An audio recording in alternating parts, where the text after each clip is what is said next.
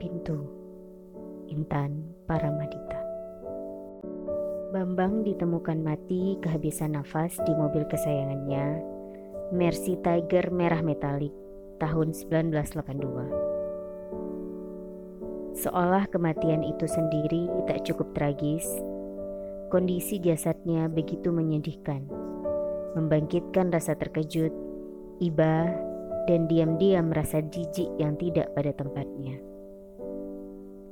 Tanpa setelan safarinya, Bambang tergolek di kursi, telanjang, dengan seluruh bagian tubuh yang patuh pada kekejaman gravitasi. Dagunya yang berlipat, lemak di perutnya, kemaluannya, semua terlihat gembur, tak tersangga, siap jatuh ke bawah kecuali matanya. Mata yang terbuka menatap ke atas, seperti tiba-tiba disapa oleh kengerian. Tubuh ini di tengah kekacauan emosi, kaget, kasihan, mual, menimbulkan berbagai spekulasi.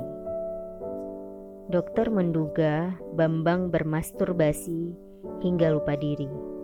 Tak sempat menyadari ia terperangkap kaca dan pintu mobil yang tertutup. Noda-noda kemerahan di lehernya masih menjadi teka-teki. Seperti bekas gigitan. Bukan. Tali yang mengikat. Bambang mungkin berkencan dengan seseorang yang sengaja meninggalkannya di mobil dalam keadaan tertidur.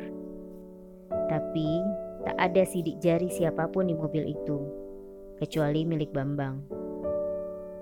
Bila ini sebuah pembunuhan terencana, si penjahat tak mungkin begitu bodoh meninggalkan sidik jarinya.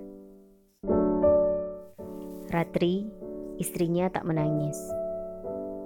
Wajahnya tenang saat menerima ucapan bela sungkawa para kolega dan kerabat di pemakaman. Mengundang simpati sekaligus memantik pertanyaan Perempuan macam apa yang begitu dingin menghadapi kematian suaminya? Kematian yang tak wajar menjadikan mayat Bambang sebuah tontonan. Misteri yang harus dipecahkan di ruang forensik, koran, dan televisi. Munculnya sejumlah dugaan tentang kehidupan pribadi Bambang tak terelakkan lagi. Kini, semua orang tahu kalau Bambang dan Ratri tak lagi tidur di kamar yang sama. Bisa dipastikan ada orang ketiga.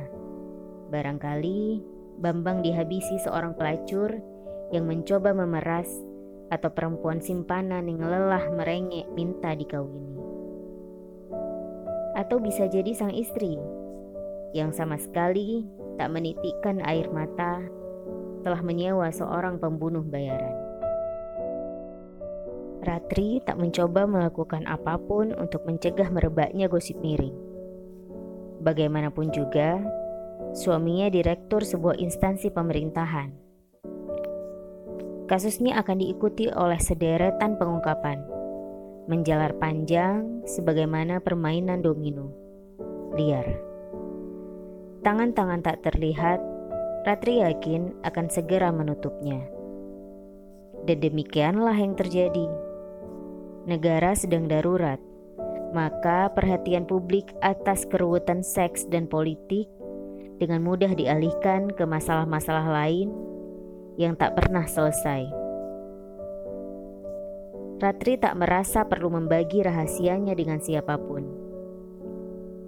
Ia telah meramalkan bahwa akhir yang mengenaskan segera datang. Mercy Tiger itu terkutuk.